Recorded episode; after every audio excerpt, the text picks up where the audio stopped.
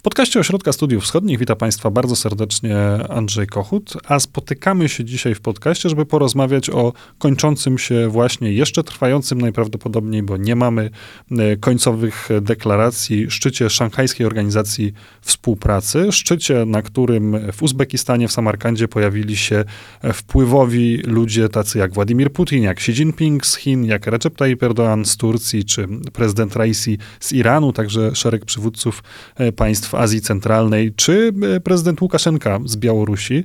E, wiele spotkań, wiele rozmów e, i także zapewne wiele wniosków płynących z tychże spotkań dla analityków, dla komentatorów i dlatego dzisiaj w podcaście spotykam się z Krzysztofem Strachotą. Witam cię serdecznie. Kłaniam się nisko. To jest podcast Ośrodka Studiów Wschodnich.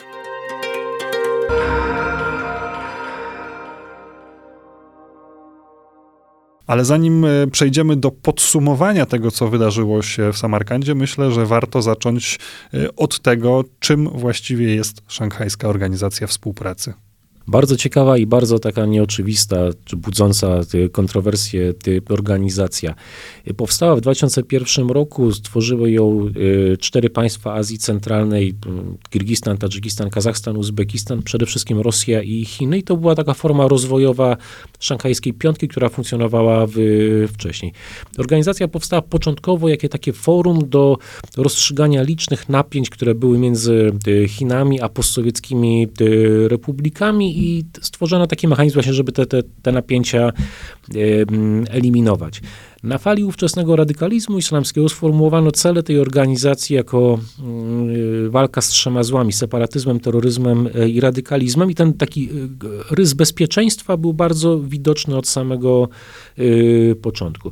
Potem organizacja się rozszerzała, bodajże w 2017 roku przystąpiły jako pełni członkowie do niej Indie i Pakistan ma grupę państw y, obserwatorów, do których należy Mongolia, Afganistan, y, Białoruś. Y, Białoruś, Iran, który w, na tym szczycie staje się pełnoprawnym członkiem tej, tej, tej, organizacji i ma licznych partnerów w dialogu oraz państwa, które aspirują do tego, żeby być partnerami tej, tej tejże organizacji.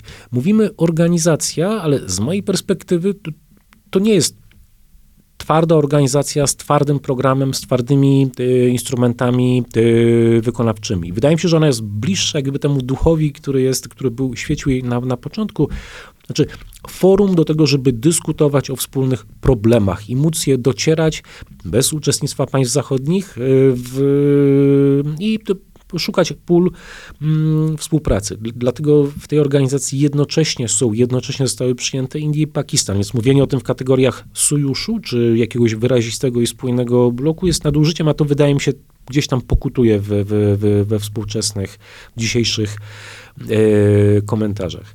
Był czas, kiedy Rosjanie próbowali nadać tej organizacji taki charakter bloku antyzachodniego, takiej, tej Eurazji, w której większość ludzi popiera Rosję albo ma wspólne podejście. I ten rys antyzachodni w tej organizacji on jest, może raczej azachodni, bo, bo, bo nie ma tam y, zachodu. Zdaje się, Amerykanie próbowali zdobyć status obserwatora w 2005 roku, ale nie zostali tam y, przywitani y, ciepło. Chińczycy z kolei przez cały czas trwania organizacji bardzo mocno forsowali jej gospodarczy charakter, żeby wykorzystać to do, do forsowania swojej y, ekspansji y, gospodarczej. Koniec końców, i ten szczyt jest tego doskonałym jakby przykładem, jest to przede wszystkim forum, klub dyskusyjny, gdzie mogą się spotkać ze sobą prezydenci, przywódcy państw y, i w formacie bilateralnym i w formacie wielostronnym rozstrzygnąć, rozważyć, zakomunikować jakby światu ileś ważnych dla siebie bieżących yy, rzeczy. I na tym szczycie również tak, tak było. Szereg no, bilateralnych właśnie spotkań. miałem cię zapytać o to, co w takim razie było tymi kwestiami, które skupiły przywódców akurat na, na szczycie w Samarkandzie. To, co nas tutaj w Polsce najbardziej interesuje, to są kwestie relacji chińsko-rosyjskich. Od ponad pół roku trwa wojna na Ukrainie. Chiny są sojusznikiem Rosji, ale nieco zdystansowanym. I to spotkanie miało tak naprawdę pokazać, jaka jest y, temperatura, jaki jest klimat między, y, między nimi. Y, między Rosją między a Chinami. Rosją a Chinami, tak. Ponad wszelką wątpliwość deklaracje potwierdzają, że ten sojusz jest, że tutaj wspólnota strategicznego interesu jest. To jest Tajwan, Ukraina, niechęć wobec Stanów Zjednoczonych, niechęć wobec y, jednostronnych sankcji zachodnich. Y, to, to, to zostało bardzo mocno y, zaakcentowane, ale jednocześnie w temperaturze rozmów, w rozmowach towarzyszących bardzo wyraźnie zostało zaznaczone, że ten sojusz jest trwały, ale zmienia się jego dynamika. Wydaje się, że zmienia się troszeczkę układ sił między partnerami. Na niekorzyść słabnącej Rosji, Na jak niekorzyść... rozumiem. I z drugiej strony też ze strony Chin płyną jakieś takie sygnały nie do końca zadowolenia z tego, jak się sprawy mają na Ukrainie. Mam na myśli ten rosyjski komunikat, w którym e, czytamy o e, uzasadnionych wątpliwościach i pytaniach partnera chińskiego, na które Rosja starała się odpowiedzieć. Tak, to, to, to, to gdzieś w tej polityce chińskiej, w tym komunikacie chińskim to, to, to, to jest y, widoczne i chyba samo z siebie nie jest y, zaskakujące i też jest komunikowane w bardzo e, taki delikatny e, sposób.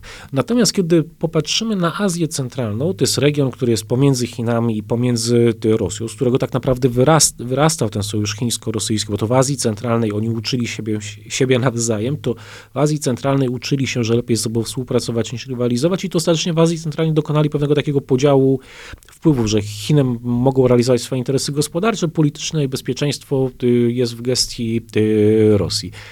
I wojna na Ukrainie i ten, o, ostatnie miesiące postawiły ten układ pod znakiem zapytania. Rosja przestała być czynnikiem stabilizującym, stała się czynnikiem destabilizującym. I w Azji Centralnej to jest odczuwalne. I tym, tym, tym mocniej więc wybrzmiało takie akcentowane przez y, Xi Jinpinga przywiązanie do stabilności, integralności i suwerenności państw Azji Centralnej. Co w kontekście wojny na Ukrainie, w kontekście rosyjskich takich nieformalnych pretensji pod adresem Kazachstanu co do jego granicy, co do mniejszości rosyjskiej itd., tak itd., tak było mocnym wyrazem y, poparcia. W ogóle Xi, zanim przyjechał do Samarkandy, miał, y, to była jego pierwsza wizyta zagraniczna od czasów jakby COVID-u właśnie w, w, w Kazachstanie. Rozmawiał z Tokajewem, który doszedł do władzy po, po, po, protestach e, jakby styczniowych w ostatnich miesiącach miał szereg nieporozumień z Rosją, więc ta wizyta w Kazachstanie również była wyrazem poparcia dla, dla Tokajewa. To w pewnym sensie on staje się gwarantem albo niezbędnym elementem stabilności w regionie, na której tak bardzo zależy Chinom.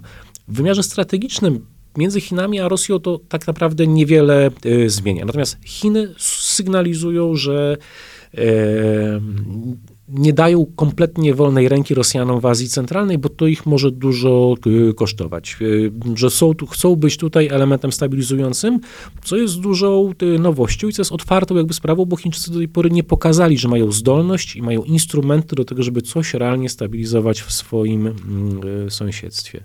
Wydaje mi się takim drugim blokiem, który znowu tworzy kontekst do, do, do, do, do tych wyjściowych relacji chińsko-rosyjskich jest to, że gro wystąpień, gro rozmów bilateralnych było poświęcone rozwojowi współpracy gospodarczej, to znaczy rozbudowie korytarzy transportowych biegnących przez Azję Centralną, łączących Chiny z Bliskim Wschodem, z Azją Południową i w, domyśle również e, z Europą. I to jest konsekwencja wojny na, na Ukrainie. To jest jakby sygnał, że wszystkie te państwa próbują Rosję, znaczy zdają sobie sprawę, że Rosja stała się toksyczna, że ją trzeba mm, ominąć, że sankcje ty, mm, działają, że trzeba szukać nowych dróg omijających Rosję, tak naprawdę marginalizujących Rosję, do tego, żeby prowadzić swoje własne y, interesy.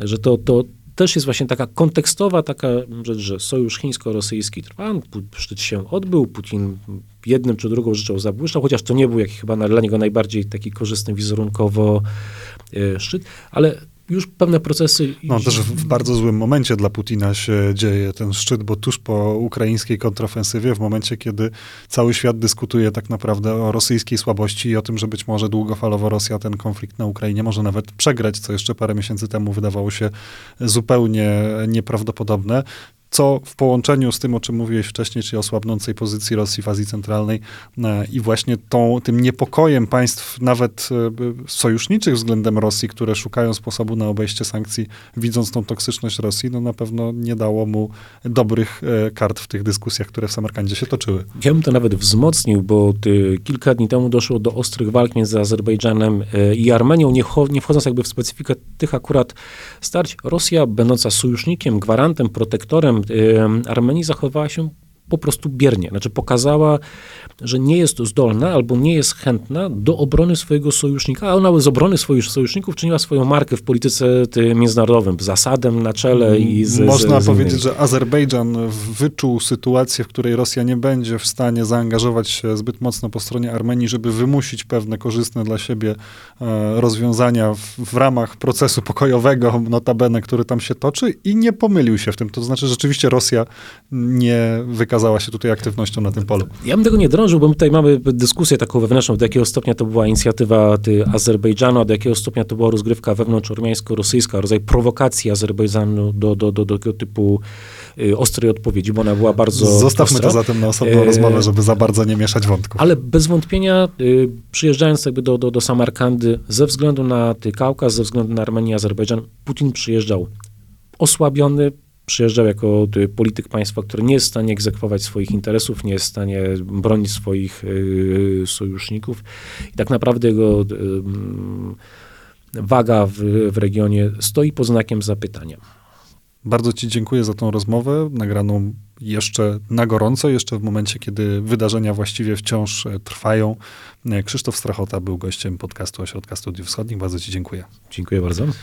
Oczywiście wydarzenia nie tylko w Azji Centralnej będziemy śledzić w ramach podcastu, dlatego zachęcam do śledzenia go na wszelkich platformach, na których jest to dla Państwa wygodne. Zachęcam również do śledzenia naszego YouTube'a oraz strony Ośrodka Studiów Wschodnich. Andrzej Kochut, do usłyszenia.